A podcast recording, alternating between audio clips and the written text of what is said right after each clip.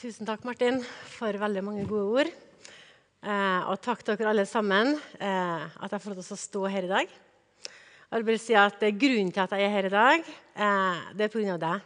Er du som kom hit. For jeg har ingen behov for å stå på en scene, jeg har ingen behov for å snakke i mikrofon.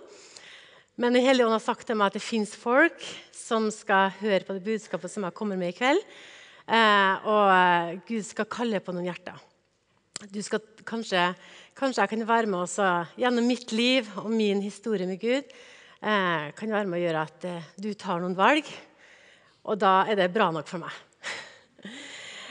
um, jeg, bo, jeg, heter da Marit Ngam Kjellab. Det er litt vanskelig etternavn. Og det er fordi jeg er gift med en, en fra Thailand. Eh, og jeg har bodd i Thailand nå i ja, I år er det faktisk det 17. året jeg bor i Thailand. Og det høres ut som jeg er steingammel, men det er jeg. Jeg er ganske gammel. Jeg er 42 år. så jeg har nesten bodd halve livet i Asia. Eh, som Martin sa, så jobber jeg både for TCN, altså Thailand Christian Network, som, er, som blir drevet av Imi-kirka. Og i tillegg så jobber jeg også for School Support Laos. Dere får høre litt mer om det senere.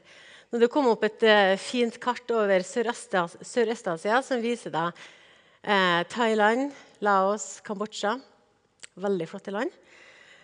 Um, og um, for noen år tilbake så ble jeg kjent med Kjartan og familien Sørheim. Kan ikke bare reise opp, Kjartan? Igjen. Ja, han er da Veldig bra. Han leder da TCN fra Imekirka her i Norge. Så Thailand er Kjartan er på mange måter min sjef og min mentor. Veldig veldig glad for det, at vi kan stå sammen i det arbeidet som vi driver i Thailand, som er utrolig viktig. Som sagt så er jeg gift og har eh, fem barn. Så hvis dere kan være så opp, for jeg er utrolig stolt av dere.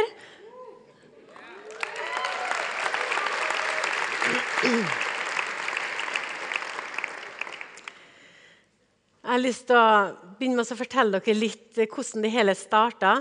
Å bo 17 år i Asia, det å, eh, hva var det som fikk henne til å gjøre det? Ja, mange ganger så lurer jeg på det sjøl. Eh, men det begynte nok egentlig med at jeg er oppvokst i en fantastisk familie som kommer fra Frei på Nordmøre. De er kristne, og de ga meg kjærlighet og trygge rammer og alt det som et barn behøver. Når jeg var omkring jeg tror nok jeg var sånn ca. ti år, så husker jeg det at det var en, en, en dag at jeg, jeg, tenkte litt på fremtida. Jeg så for meg sjøl at jeg var bestemor. At jeg satt i en gyngestol. Eh, og jeg satt og gynga den gyngestolen, og så var det masse barnebarn som satt foran meg på gulvet. Og så så jeg for meg det at de barnebarna spurte meg bestemor, hva har du brukt livet ditt på.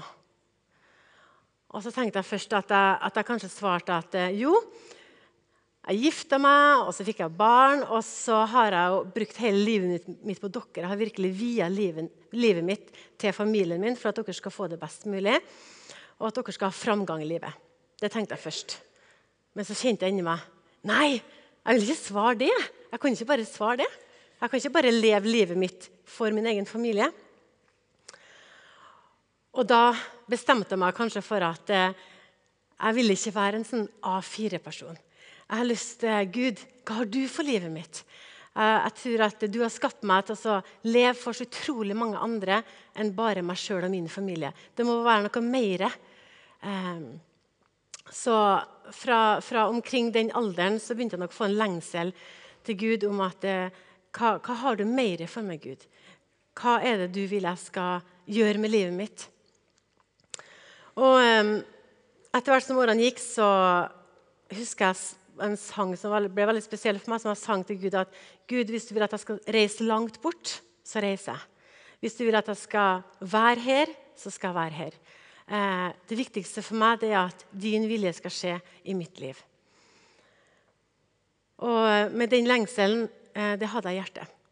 Så tok jeg utdanning, som Martin sa, reisekonsulent. Trivdes veldig godt med det. Jobba i reisebyrå og hadde egentlig et helt perfekt liv. Jeg hadde, hadde det så godt som jeg kunne ha det. følte Jeg egentlig. Jeg hadde en familie som var veldig glad i meg. Hadde masse gode venner. Jeg fikk reise masse overalt i mange rare land for en veldig billig penge. Og jeg hadde egentlig helt topp. Jeg var elska å reise og veldig reiselysten. Men allikevel så var det en sånn, en sånn liten stemme som sa inni meg at ja, men det må jo være noe mer enn det her. Eh, og da bare valgte jeg å bare si til Gud at OK, nå går jeg Jeg er klar til å gå ut av komfortsona mi. Jeg er klar til å gå ut av den trygge båten som jeg sitter i nå. Eh, fordi at jeg ønsker å gå på vannet sammen med deg, Jesus. Jeg er sikker på at du har noe mer for meg. Og i 1999 så reiste broren min og jeg vi reiste på en backpackertur til Sørøst-Asia. Vi var der i ti måneder.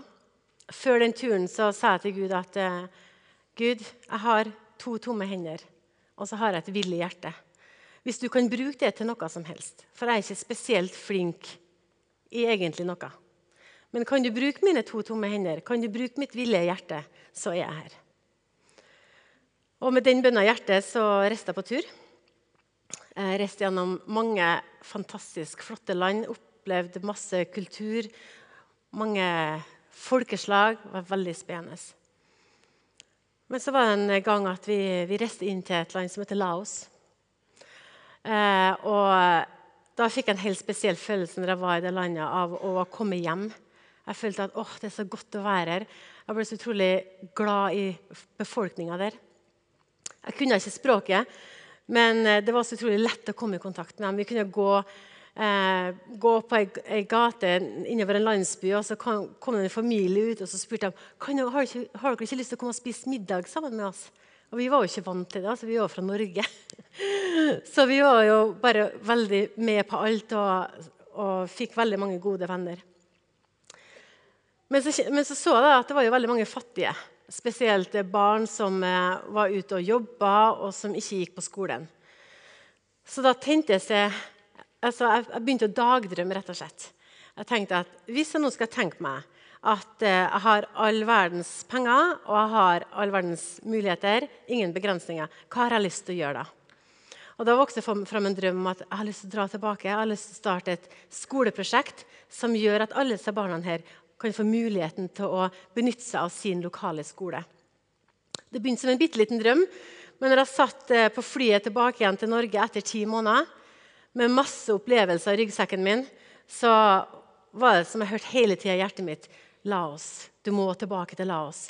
Eh, du har bare begynt å sette bitte lite grann av et fantastisk land. Du må tilbake dit. Så når jeg kom tilbake, og da hadde jeg jo fått eh, ti måneder permisjon fra reisebyrået Jeg skulle jo bli Asia-spesialisten deres. Komme tilbake, og Første uka så sa jeg opp jobben. Så sa jeg jeg skal tilbake igjen til Asia. Eh, og jeg sa, sa det til foreldrene mine. Og de sa hvis Gud har gitt deg det her i hjertet, Marit, så må du bare reise. For vi, vi vet at vi greier ikke å stoppe deg uansett. Eh, hvis du vil gå, så går du. Eh, og jeg fortalte jo til mange, og det var jo mange som tenkte at Marit, du er helt gal. Altså. Du skal reise til Laos, det er kommunistisk. Det er veldig kommunistisk land fortsatt. Eh, og du kan ikke språket, du, kan, du kjenner ikke til religionen. Eh, og hvordan skal du som er reiselivskonsulent starte en bistandsorganisasjon? Altså, du kan jo ingenting. Altså, skjønner du? Hvordan skal du gjøre det her? Men jeg sa bare til Gud at jeg kan ikke bo resten av livet i Norge og tenke hva hadde skjedd hvis jeg hadde, gjort, hvis jeg hadde tatt det valget den gangen. Da tenker jeg at da er det bedre å reise, og så kanskje ikke det går. Og da er det jo ikke verre å reise hjem igjen, men da hadde jeg iallfall prøvd. Så da, Fire måneder etterpå så satt jeg på flyet vei til, på vei til Asia med egentlig ingen penger eh, og egentlig ingen planer. Men jeg sa til Gud at ok, nå sitter jeg her på flyet, jeg er på vei til Asia.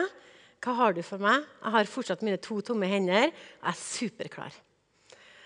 Og så sa jeg til Gud at eh, når jeg reiser til Laos nå, så, så, kan jo jeg ingenting. Jeg vet jo ingenting om det landet her. Men du må åpne dørene, for du kjenner de folkene her. Du elsker de folkene her. Du elsker dem så masse at du døde på korset for dem. Eh, og da må du åpne døren, og da skal jeg love deg, Gud, jeg skal gå. Eh, så det var det som skjedde. Jeg bodde i Bangkok. Ikke akkurat i slummen, men ikke så veldig langt unna, for jeg hadde ikke så veldig mye penger. Men, men, det var ikke viktig, for jeg kjente at jeg er på riktig plass til riktig tid. Og jeg hadde en sånn utrolig forventning til Gud. Hva har du for meg, Gud? Hva er det som kommer til å skje nå? Og så begynte jeg bare å reise med tog og buss til Laos. Jeg måtte reise først en hel natt, 10-12 timer med tog. Kom fram til Ubon, og da måtte jeg ta en buss, en sånn humpebuss med masse karaokemusikk. og helt forferdelig i fire timer. Og så måtte jeg over i en båt som også var kjempeskummel. Det var sånn overfylt båt ikke sant? hvor det var liksom vann helt opp til, til sida på båten. Og det var liksom sånn OK, går det her, så går alt, liksom. Og da rista jeg alene ikke sant? og kom til Savanaket, som faktisk betyr den himmelske plass. Og Savanaket var den provinsen og den byen som jeg kjente at hit er hit Marit skal du. Så reiste jeg dit, så begynte jeg bare å gå i gatene. Eh, og som sagt så er det jo kommunistisk, og jeg kunne jo ikke be høyt og sånne ting, så jeg gikk jo bare i gatene og ba til Gud inni meg. Gud, nå er jeg her. Jeg har de to tomme hendene mine, og jeg er fortsatt villig. Nå må du vise meg. Men det skjedde ingenting verken første gangen, andre gangen, tredje gangen, fjerde gangen eller femte gangen. Det gikk over et år, så for jeg pendla frem og tilbake til, til Bangkok og Laos. For jeg bodde i Bangkok for jeg ville lære meg språket. Eh, jeg jobba i slummen i Bangkok for å bli kjent med eh, den type arbeid og bli kjent med mentaliteten. Så jeg dro og reiste frem og tilbake og ba utover risåkrene, ba utover landsbygdene. Liksom, 'Jesus, jeg vet du er her, jeg kjenner ditt nærvær her.' Men hva vil du at jeg skal gjøre? Jeg vet jeg skal hjelpe barn med skolegang, men hvordan kommer jeg i kontakt med skolemyndighetene? Jeg visste jo ingenting. Så når det har gått over ett år, så kom jeg i kontakt med noen mennesker som tok meg med til skolekontoret i Savanaket. Og da, ble, da sa hun at ja, her er Marit. Hun har lyst til å starte et arbeid for at barn skal få lov til å få skolegang. Og så, ja, så bra, sa skolemyndighetene. Eh, hvor, hvor, stort budsjett har du? ja, nei, eh, jeg har ikke så veldig mye akkurat nå, men det kommer til å komme. Eh, og så spurte de ja, men hvordan har du tenkt å gjøre det her. Å, kjære Gud, hva skal jeg svare dem? Jeg hadde ingen planer, jeg visste ingenting. Og så kjente jeg bare at jeg fikk svarene. Altså, jeg, jeg fikk svarene fra Den hellige ånd. Eh, så sa jeg da at ok, jeg vil eh, at du skal få ta med meg til den fattigste skolen i hele byen. Der det er mest problemer, der det er mange som ikke kan få skolegang fordi at de er så fattige. Og da må vi huske på at Laos er et av de fattigste landene i Sørøst-Asia. Den gangen var det 40% av alle barn hadde ikke muligheten til å gå på skolen. Eh, og skolen er gratis, men de hadde ikke penger til å kjøpe skoleuniform, til å kjøpe eh, skrivesaker eller skolebøker. Så, så, sa han ok, hvis jeg tar deg med på en skole, eh, hvordan ville du gjøre det da? Du, hvor mange skal du hjelpe? Hva skal jeg svare, Gud? Bare lukke øynene. Ok, så sa jeg kan hjelpe ca. 15-20 barn Eh, på én skole, men da må lærerne og de som kjenner barna, plukke ut dem som er absolutt fattigst. Og Så spør de meg ja, skal du hjelpe 15 barn i år og 15 nye barn neste år. Og bare vent litt. Jeg måtte bare lukke øynene igjen. Helligånd, hva skal jeg svare? Og så kjente jeg bare at For at jeg, jeg, kunne ikke det. Jeg kan det fortsatt ikke. Så det er Gud, også det her er Guds arbeid. Det er Gud som er der. Men at jeg får lov til å være med på det som Gud gjør så, så fikk jeg alle svarene. Og så sa jeg nei, jeg vil gi dem langsiktig hjelp. Så hvis jeg hjelper 15 nå, så skal jeg hjelpe dem gjennom hele grunnskolen til de er ferdig med videregående. Og Det var sånn jeg starta. Så i 2001 eh, så ble School Support Laos starta. Eh, det er jo utrolig mye jeg kunne fortalt, men i mellomtida så møtte jeg mannen min, som jeg senere gifta meg med. Han, møtte, han var motorsykkelsjåfør i Bangkok. Fordi at Mens jeg var i Bangkok, så jobba jeg i slummen. ikke sant? Så For å komme seg fra A til B så orka jeg ikke ta taxi. Det var litt kjedelig. Og i hvert fall ikke buss. Da tenkte jeg ok, men da, da, da finner jeg meg en god motorsykkelsjåfør. Så kjøper jeg en egen hjelm. Så hver morgen jeg gikk ut fra det bitte lille rommet jeg bodde på, så bare ba Gud ok, nå må du beskytte meg én dag til. i trafikken. Fordi at det, her er litt utenom. Altså. Men når den står der, Jeg vet ikke hvor mange som har vært i Bangkok. Men én, eh, i hvert fall. Men i hvert fall når du står der og sitter på en motorsykkel i et lyskryss hvor det kanskje er 50-60 motorsykler som bare står og ruser og bare venter på grønt lys, og da når du begynner å kjøre åh, Det er helt fantastisk.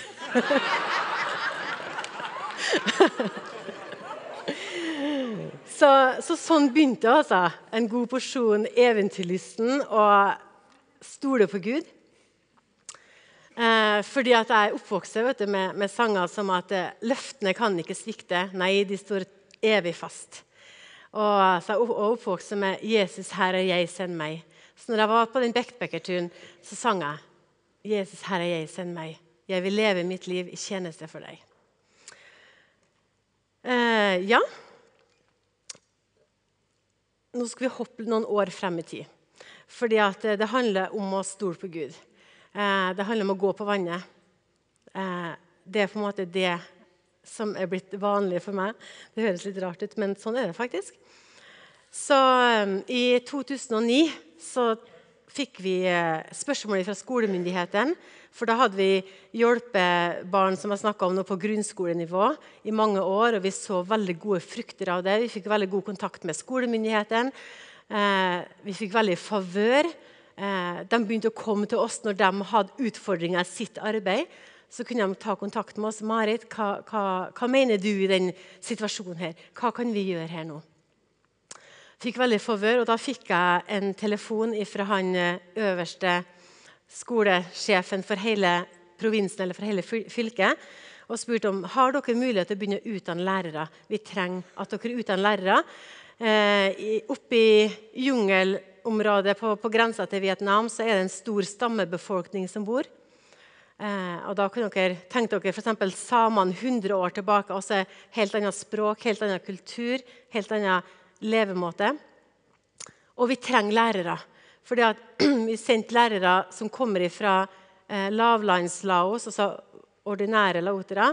Og De reiser opp dit, og de, de, har ikke muligheten til å være der mange måneder, for alt er helt forskjellig. Og Da kjente jeg bare en hellig ånd sa til meg si ja. Så sa jeg ja, det kan vi gjøre. Vi kan begynne å utdanne lærere. Og så, så, Vi hadde begynt en sånn prosess, med å, for det var mange som søkte om å få stipend. Vi kunne ikke gi stipend til alle.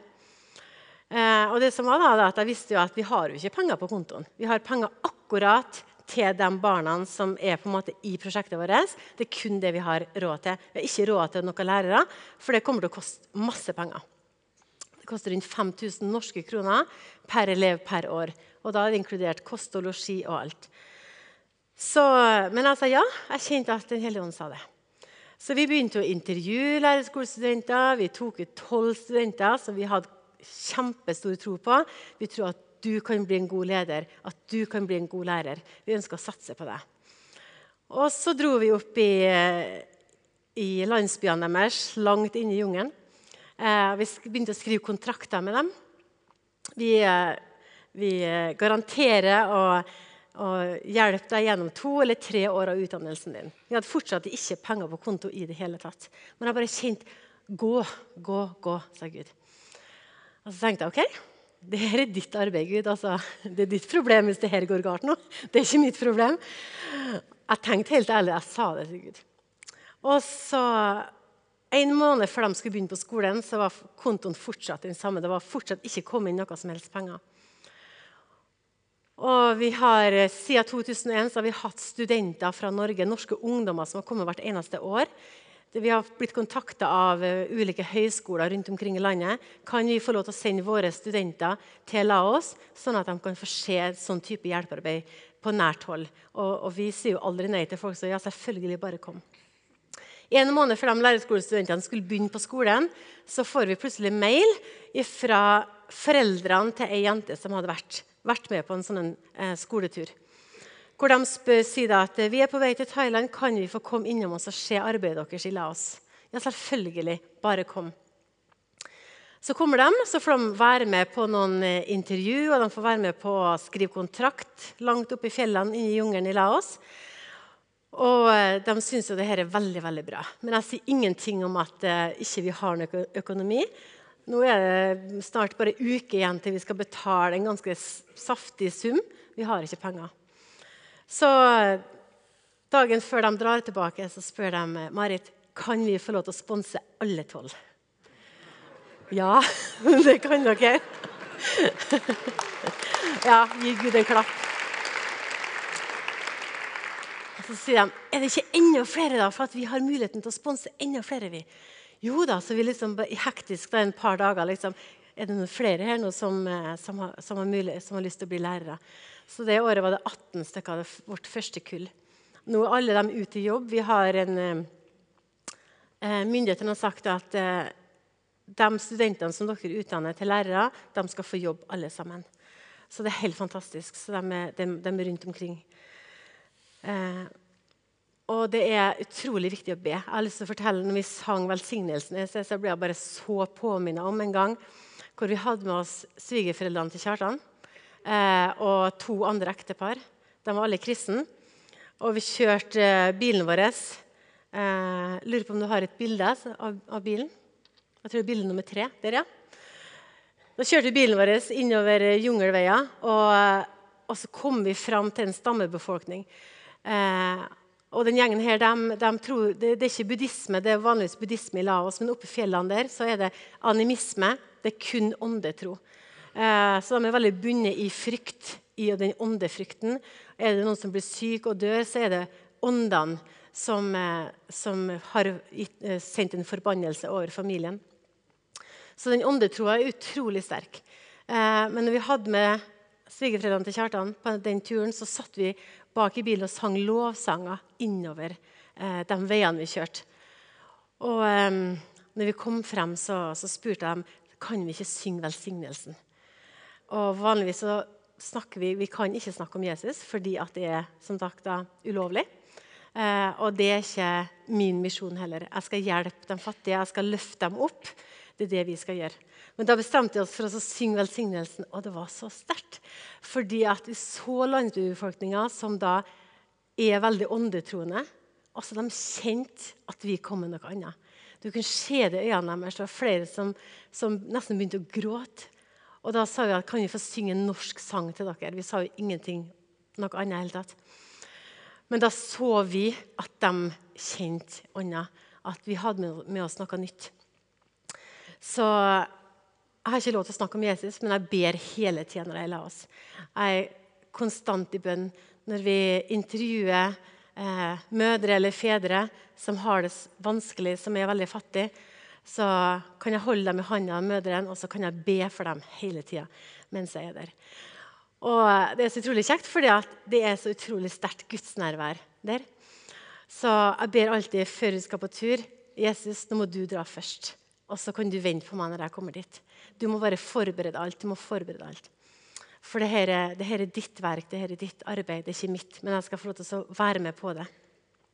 Så ofte liksom, så kommer jeg inn Spesielt husker jeg en familie som bodde i en sånn bitte liten eh, bitte, bitte lite hus og var veldig veldig fattig. Og Mora hun var, hun var døende av en eller annen sykdom. Eh, og Så kommer jeg inn der, og så akkurat som at Jesus sier at ja, men så kjekt at du har kommet hit. Her er vi jo. Eh, for, for Jesus, altså, Det var så sterkt gudsnærvær i det huset, selv om de ikke var kristne. Og det liksom det å, så har jeg hele tiden en sånn veldig følelse av å være med på det som Gud gjør. Det er ikke jeg som gjør det, men jeg, på en måte, jeg får lov til å bare være med på det. Og det er så utrolig fint. Eh, og en annen ting om bønn. altså. altså. Hadde vi virkelig skjønt betydningen av det å be, så tror jeg ikke vi hadde nesten gjort annet enn å bedt. For det er så mye som skjer i åndeverdenen. Og det er så altså, Det er så, så, utrolig mye som skjer, så altså, Gud trenger at vi ber. Som en av mine jenter sa når hun var åtte år, så sa hun at mamma, Gud trenger at vi ber. Ja, Hvorfor trenger han det? da, spurte jeg. Jo, fordi Hvis ikke vi ber, så kan ikke han gi bønnesvar heller. Og det er faktisk sant. Det var en gang vi, eh, vi var tre gode venninner som var, var i Muktahan og vi bestemte oss for at vi skulle ha en bønnedag. Så sendte vi mannfolkene til Laos, for jeg visste at den turen her Jeg elsker litt sånne offroad-turer, men én plass går grensen. Så, så tatt han, Mannen min han, han, sitter i bilen og kjører akkurat nå. og det, det, er så skummelt som det ser ut som. Enda litt mer skummelt. For det, det raser litt sånn jord og steiner hele tida. Så vi vet liksom aldri helt hvordan det går, men vi skal frem. Skal vi intervjue en lærerskolestudent, så er det ingenting som kan stoppe oss. Vi skal frem. Så da var han eh, på tur. Og eh, akkurat den dagen så skulle vi ha en bønnedag. Og så plutselig, så, når vi ber, så sier, så sier Laila Marit, jeg tror jeg har fått et bilde. Og det som jeg ser, jeg ser at det er masse engler som løfter bilen deres. Den blå bilen. vet du. Løfter den bilen deres opp på veien. Altså Spesielt, altså. Er han på vei ned et stup? Nå er det hva som skjer. Altså, jeg fikk masse tanker i hodet akkurat da. Men da bare begynte jeg bare å bade virkelig gjennom. Eh, og det som skjedde da, så jeg prøvde å få tak i Satat, men det er jo veldig vanskelig eh, nettverksforhold langt inne i jungelen. Så på ettermiddagen så fikk jeg tak i mannen min og så sier jeg, ja, hvordan har dere hatt det i dag. Vet du noe, Marit? Helt utrolig det som skjedde i dag. Du vil ikke tro det. Jo, fortell det. Ja, vi var jo på vei over den elva som vi har kjørt over før. Og det har jo alltid gått bra. Men i dag så gikk det ikke bra. Så hvis du bare kan eh, ta neste bilde.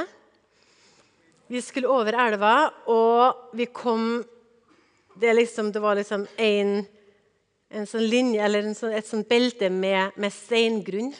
Så kom vi ut av den steingrunnen, og vi begynte å synke. Fordi det var masse sand. På det verste fortalte så sto vannet over, over giret inni bilen. Og så sier han at det, det, som skjedde, det var at det, det kom jo masse sånn landsbybefolkning da, for å skulle hjelpe til, for alle er jo veldig behjelpelige. Og da talte han 15 menn som kom. Og så tenkte mannen min at ok, nå må vi løfte bilen. Ja, de prøvde jo det. det gikk ikke så veldig bra. Det skjedde jo ingenting, altså, for den bilen er jo steintung. Nå skjønner ikke jeg meg så veldig mye på biler, men jeg tror at det, Vi snakker tonn her, gjør vi ikke det? så, så han prøvde å løfte. Og da var det 15 menn i 50-kilosklassen vi snakka om her. sant? ikke noen sånne store billedløsere. Og de greide ikke å rykke den bilen. Og det her var jo akkurat selvfølgelig når vi ba. ikke sant? Det er jo typisk Gud å være så presis. Så, så, han sa at ja, det vi gjorde da, at eh, vi, vi hadde masse sånne halvfulle vannflasker liggende rundt omkring i bilen. Så da sa jeg bare til alle sammen at nå drikker vi opp vannet, tar vi en stor slurk hver til det ikke er mer vann igjen. Og så prøver vi en gang til før vi gir opp. Gir opp. Og så telte de til tre. Én, to, tre. Og det løfter den bilen. Husk på de 15 mannfolkene i 50-kilosklassen. De løfter da bilen opp på den steingrunnen. Og så setter han seg i bilen. Det er fortsatt masse vann inni bilen. altså Han sitter jo i vann skrur om nøkkelen. Bilen starter, og han kjører opp. Eh, og ja, vær så god og klapp.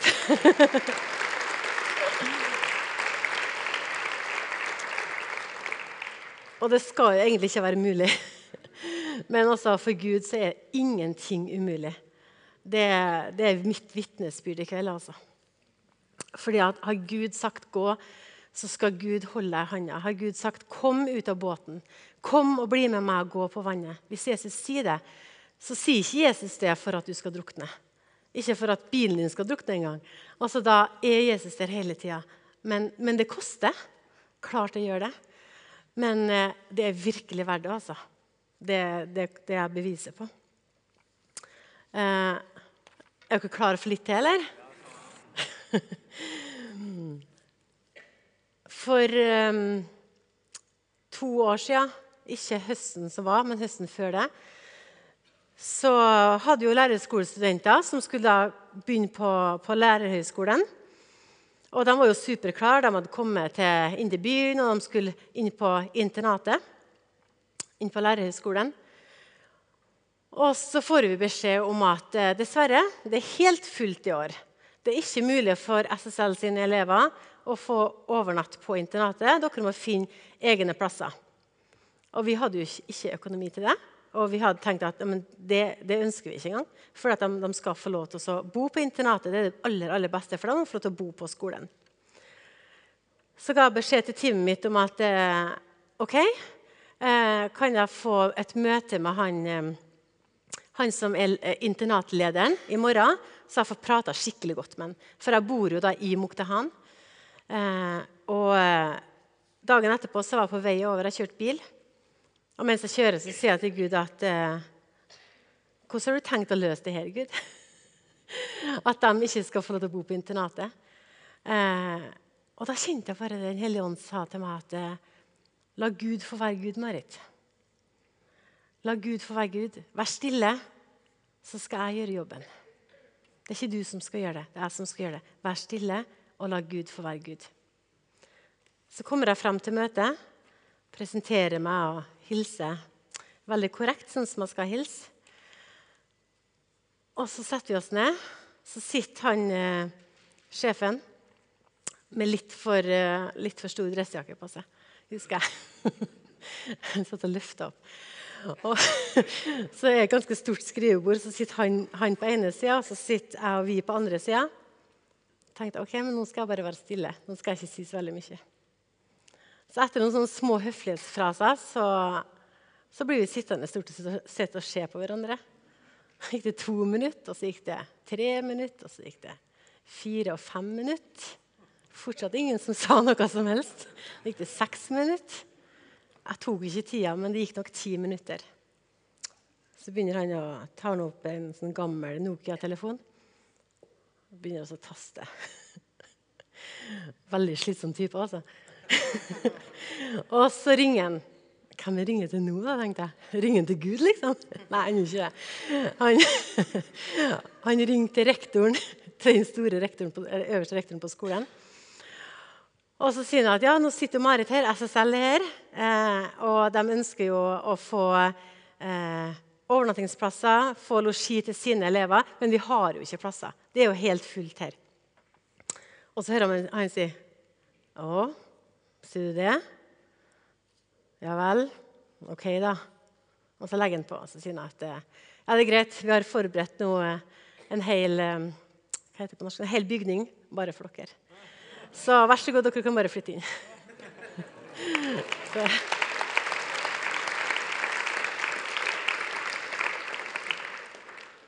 Så jeg kjenner at jeg får liksom hele tida prøvd meg. da.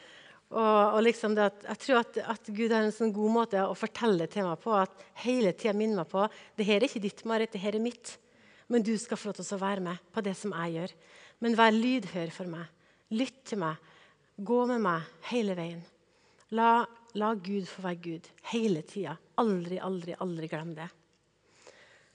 Nå Sist høst så hadde vi intervjuer. Vi har skrevet, skrevet kontrakter med 19 lærerskolestudenter som skulle begynne på lærerskolen. Så får vi selvfølgelig en telefon fra lærerskolen at i år så skal vi ikke ha studenter. Det er så mange lærere nå at vi har bare bestemt oss for å ha et pauseår. Og det er helt utrolig. Så tenker jeg, men det går ikke an. Nå har vi skrevet kontrakt med 19 stykker som er bare supergira for å, å, komme og gå på skole. Og så begynte de å ringe oss, for de har også hørt det. De, de er jo langt oppe i, i jungelen, ikke sant? oppe i Sepon, og så sier de det at 'Hva skal vi gjøre, storesøster?' Hva skal vi gjøre? spurte de dem som jobber i SSL.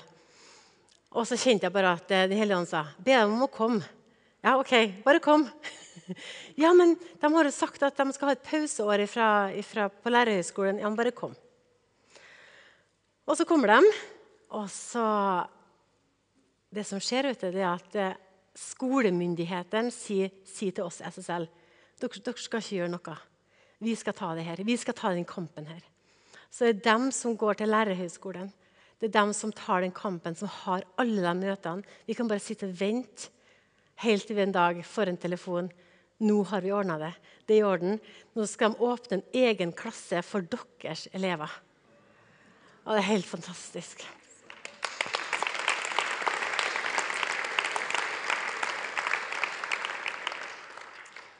Så når vi tok imot dem, så fortalte de er dere klar over det, at dere er mirakelkullet vårt. Dere er 19 som har begynt i år, og som nå går første året. Dere er mirakelkullet. Eh, forteller dem hvor utrolig altså De kommer til å bli så utrolig brukt av Gud. Eh, som jeg fortalte dere, så um, er det ikke bare i Laos jeg jobber.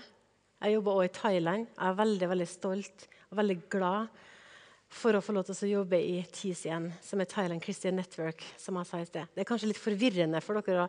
Ok, Var det Laos eller var det Thailand? Eh, men jeg elsker multitasking, så jeg er så glad for at Gud har gitt meg to land. så i Thailand så får jeg lov til å lede det lokale teamet som vi har i TCN. Og det er utrolig kjekt. Så hvis du kan få Ja, der, ja! Kjempebra. Eh, det er lokale staben i TCN. Eh, da er det Dick og Penn som står foran. De var her i Impuls i år. Jeg vet ikke om dere husker dem. Og så er det mannen min, og så er det jeg, og så Kjartan. Eh, og så er det ei som har begynt etter det bildet ble tatt. IO heter hun.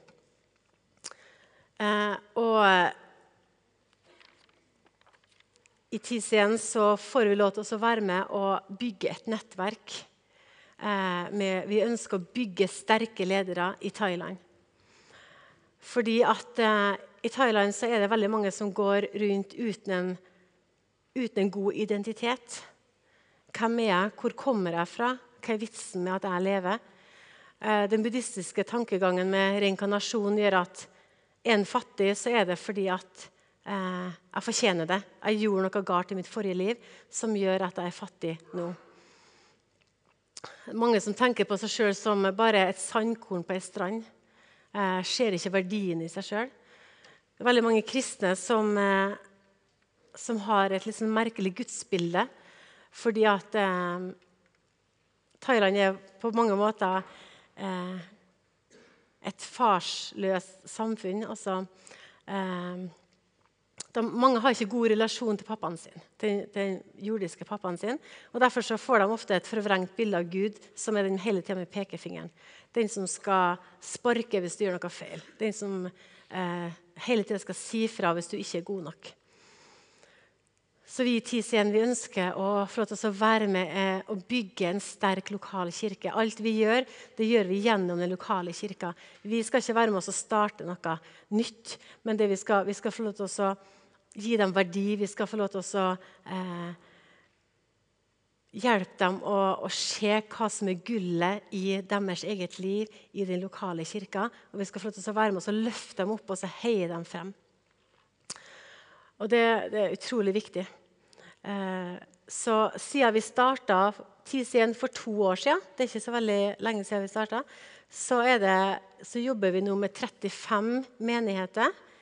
Eh, i mange forskjellige provinser. Og vi eh, har Agenda 1. Jeg vet ikke om det er mange av dere som kjenner til det. Det er et lærerfellesskap som heter Agenda 1. Og vi får lov til å, å bruke det som et godt redskap. Eh, jeg har lyst til å fortelle en historie fra For noen måneder tilbake så var vi, på, vi var og besøkte en menighet i en provins som heter Borirem. Og den menigheten har vært med på Agenda 1. De har skrevet en, en fin handlingsplan. Og det var liksom første gangen de har vært med på noe sånt. Så da hadde vi lyst til å dra dit for å oppmuntre dem, så vi kjørte en femtimers biltur for å møte dem. Og de var så glad for at tenk at dere kommer for å besøke oss. Liksom, Lille menigheten oss som er liksom ute i rismarka. Og så begynte vi å snakke om handlingsplanene deres. Ja, hva, hva, har dere skrevet på handlingsplanene? Jo, ett punkt var at de, skulle, de ønska å starte fire nye husmenigheter. Og det her var bare en måned eller to etter at de har vært med på agendaen. Så spurte jeg ja, hvordan går det nå med, med, det. Jo, det går kjempebra, sier de. Ja, få høre, sier jeg. Ja, hva vil du høre? Nei, dere var fire nye husmenigheter. Har dere, har dere gjort det? Har dere begynt å, å starte dem? Ja, det har vi gjort. Og Da hadde de fortalt at de hadde kommet tilbake fra Agenda 1. Så hadde de neste gudstjeneste så de samla alle sammen etter gudstjenesten. Og så hadde de sagt vi ønsker å starte fire nye cellegrupper i menigheten vår. Er det noen som bor i en landsby som kjenner at Gud sier at du kan være en leder? Fire stykker opp med hånda. Ja, så bra. Da tar vi, da vi til din landsby nå på fredag. Ok. Hvem er det som kan være med til den landsbyen der? Jo, da var det en gjeng som kunne være med dit. Og så dro vi da dit til landsbyen. Ja, ja, hva var det som skjedde? Jeg må liksom dra det litt ut. ikke sant? Hva, hva var det som skjedde? Jeg spurte. Kom det noen folk? Ja, Det kom masse folk fra hele den landsbyen. Og det kom så mange folk at, eh, og så kom det så mye unger vet du, at vi måtte bare si at du og du tar dere av ungene og i det rommet der. Og så tar vi de voksne og så forteller vi dem om Jesus. Og Den første kvelden så var det 30 barn som sa ja til Jesus. Og ti voksne. Det er helt utrolig bra.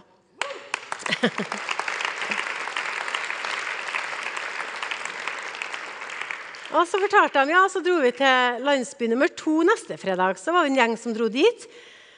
Men der var det ingen som tok imot Jesus, for der merka vi at, at, eh, det var så masse spiritistiske fester i den landsbyen. Det var så mye ondskap. Det var, det var så åndelig sett så veldig veldig hardt. Så vi fikk bare være med oss og be. Vi kristne vi bare brukte en kveld til, og så, og så ba vi masse og så videre, og så videre, ikke sant? Og Vi fikk lov til å være med og høre de historiene, og vi fikk være med oss og løfte dem opp. Og, og, på en måte bekrefte dem og anerkjenne dem på det. Og de syntes det var så utrolig stort. Så nå til sommeren så kommer det en gruppe fra Lørenskog. Og da skal de få lov til å være med på de husmenighetene. For det er så utrolig viktig å, å vise at vi går virkelig med dere. altså. Eh, vi, vi lykkes når dere lykkes. Så jeg har eh, veldig tro på at Thailand skal få lov til å møte Jesus. Ikke bare mm, at de skifter religion fra buddhismen til kristendommen, og det var det. Men at de skal få lov til å møte en levende Gud. De skal få møte Jesus, de skal få bli kjent med Den hellige ånd. De skal tore å gå på vannet, de skal få lov til å gå ut av den trygge båten sin og gå på vannet med Jesus. Eh, fordi at det er ikke de store stegene som er de viktigste stegene fra mitt liv. Eh, det er de små stegene. I begynnelsen så var det små steg. og som jeg sa i morges også, eh, Hvis en skal begynne å gå på vannet, så er det lurt å begynne å gå i fjæra først. For da, da, synker den ikke så langt, og så går det galt. Så, så begynn å gå med, i tro også på de små, også når du kjenner Den hellige ånd, si 'gjør det'. Be for henne. Eh, Legg hendene på henne. Spør venninna di på skolen kan jeg få lov til å be, for jeg ser du har det vanskelig. Jeg tror på Jesus. Det er de små stegene som er de aller, aller viktigste stegene. Eh, og eh, til slutt så Nå har jeg helt glemt å lese Bibelen til meg, Martin. Vi, eh, hvis vi leser i Matteus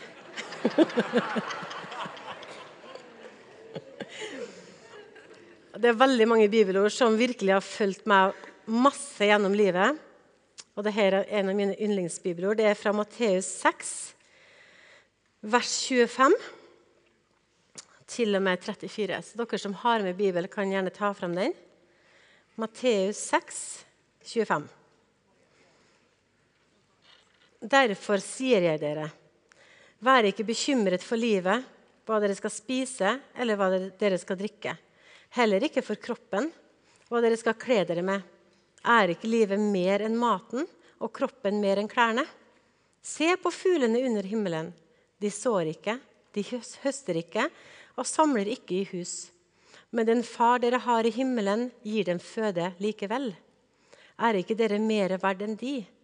Hvem av dere kan vel med all sin bekymring legge en eneste alen til sin livslengde? Og hvorfor er dere bekymret for klærne? Se på liljene på marken, hvordan de vokser. De strever ikke og spinner ikke. Men jeg sier dere, selv ikke Salomo i all sin prakt var kledd som en av dem. Når Gud kler gresset på marken så fint, det som gror i dag og kastes i ovnen i morgen, hvor mye mer skal han ikke da kle dere, dere lite troende? Så gjør dere ikke bekymringer, og si ikke hva skal vi spise, eller hva skal vi drikke? Eller hva skal vi kle oss med? Alt dette er hedningene opptatt av. Men en far dere har i himmelen, vet jo at dere trenger alt dette. Søk først Guds rike og hans rettferdighet, så skal dere få alt det andre i tillegg. Så gjør dere ingen bekymringer for morgendagen. Morgendagen skal bekymre seg for seg selv. Hver dag har nok med sin egen plage. Hadde vi visst den dagen at den bilen kom til å nesten drukne i elva, så tror jeg kanskje vi ikke har lagt ut på tur. Men eh, for en stor Gud vi har, altså. Og det å bare kunne legge livet, legge dagen i Guds hender og ikke bekymre seg. Eh, det har jeg gjort så utrolig mange ganger. Som dere ser, så har jeg jo fem nydelige jenter. Eh, og det har jo vært tøft av og til i begynnelsen, før vi fikk den flotte bilen som vi så i sted. Så kjørte jeg motorsykkel i mange år. Og da kjørte kjørte Safet. Han kjørte mannen min. Han er utrolig god sjåfør. Det må, det må jo bare sies. Han har vært motorsykkelsjåfør i ti år, så jeg følte meg jo veldig trygg. Så han kjørte. Så satt jeg bakpå med Ingeborg Anna i babybjørnsele. Jeg sa at Gud, du beskytta meg i trafikken i Bangkok. Nå må du beskytte oss her. Eh, og um, Mange ganger så så har det jo vært vanskelig. Altså, vi har jo hatt besøk av slanger inne i huset. Altså, det er så utrolig mange ting. Men av og til så kjenner jeg at jeg er nesten bekymra for at jeg er så lite bekymra. Fordi at jeg, jeg, tror som på Gud. Jeg sier til Gud at hvis du har sendt meg hit, Gud, så sender du meg ikke hit for at jeg skal bli bitt av en slange. Altså, Du har vist deg så stor så utrolig mange ganger. Så hvis du sender meg, så må du jammen meg beskytte meg, beskytte familien min. Og det har Gud gjort hele veien. Alltid. Jeg lever jo på veldig mange måter et dristig liv, eh, men jeg legger det i Guds hender hver eneste dag. Eh, og så vil jeg bare si helt til slutt nå at det, eh, det er kjempeviktig for meg at ikke du sitter og tenker at 'Å, så flink hun er', da. Og hun, hun har virkelig greid det. Altså. Hun har fått en sånn spesiell gave. En spesiell utrustning. Nei, jeg tror ikke det. At Er det noen som er normal, så er det meg. altså. Jeg er bare Marit. Jeg har alltid bare vært Marit. Jeg tror ikke jeg har noen spesiell utrustning, men jeg har fått lov til å stole på noen av de løftene som står i Bibelen. Jeg har fått lov til å begynne å gå på det. Jeg har fått tillit til Gud. Jeg har sagt til Gud at eh, ok, jeg er klar til å gå på vannet. Jeg er klar Jesus til å gå på vannet. Jeg tror kanskje ikke at det er en trosgave, men jeg tror at jeg har begynt å bare ta i bruk bitte, bitte, bitte litt av det som Gud har for meg. Eh, og det er så utrolig mye mer. Så jeg sier til Gud jevnlig, nesten daglig Gud, jeg vil ha alt. Jeg vil ikke miste en ting som du har for meg. Og jeg er klar. Og... Jeg har jo fått opplevd så utrolig mye, med, mye, spennende i livet mitt. Men jeg har så utrolig forventninger til Gud framover. Hva skal skje til høsten, Gud? Hva skal skje neste år? Jeg er klar til å være med på alt det som du har for meg. Eh, bruk meg akkurat sånn som du vil. Så Gud har så utrolig mye for dere.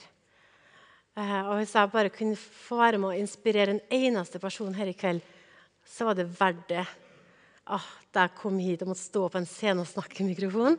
Fordi at det var for deg at jeg gjorde det.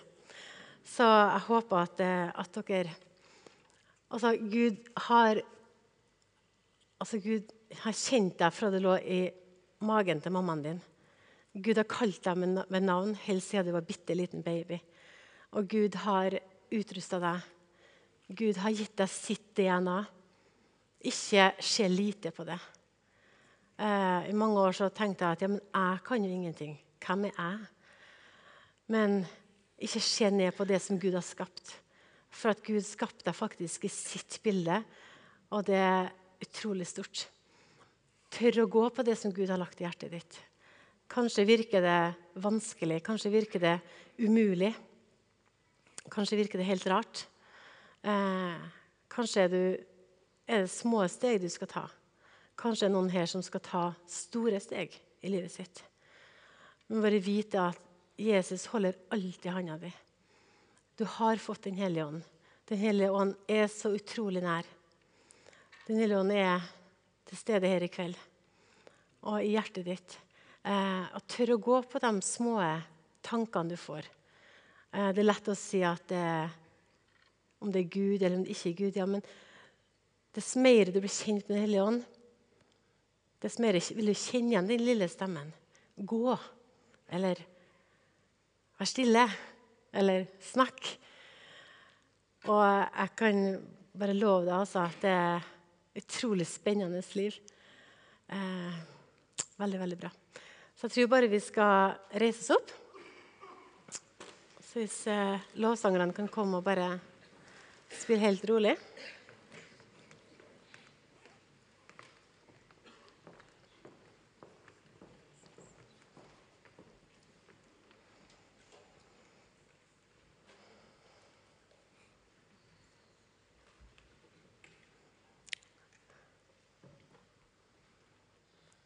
Takk, kjære Jesus. Takk, Helligånd, for ditt nærvær. Helligånd, akkurat nå så hvisker du i øret til mange. Du kaller på dem. Du viser dem ting.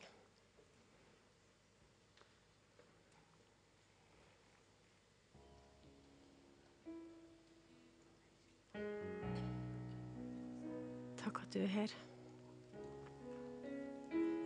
Gud, vi ønsker at eh, å la deg få være Gud. For vi kan ha så mange plan A, og plan B og plan C for livet, for barna, for jobben vår.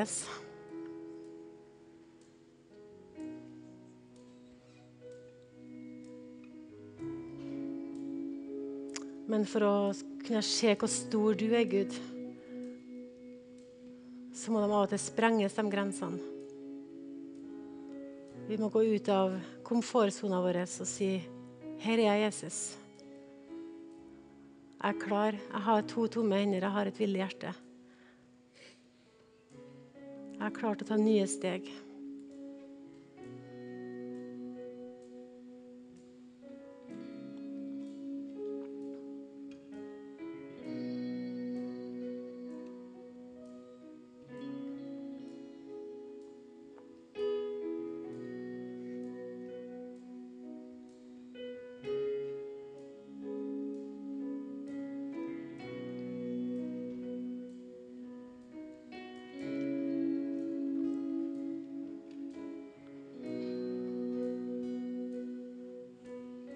Tror det er barn eller ungdommer her som begynner å kjenne noe av hjertet sitt. En lyst, en trang. Gud viser deg ting som du skal bevare i hjertet ditt.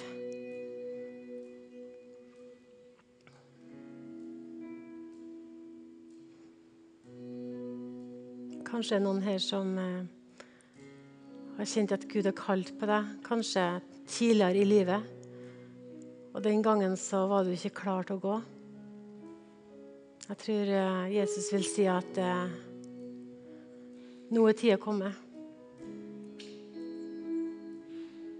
Jesus står der og rekker ut hendene sine mot deg. Er du klar til å gå med meg? Er du klar til å ta det første steget ut av båten? Jeg skal holde hånda di hele tida.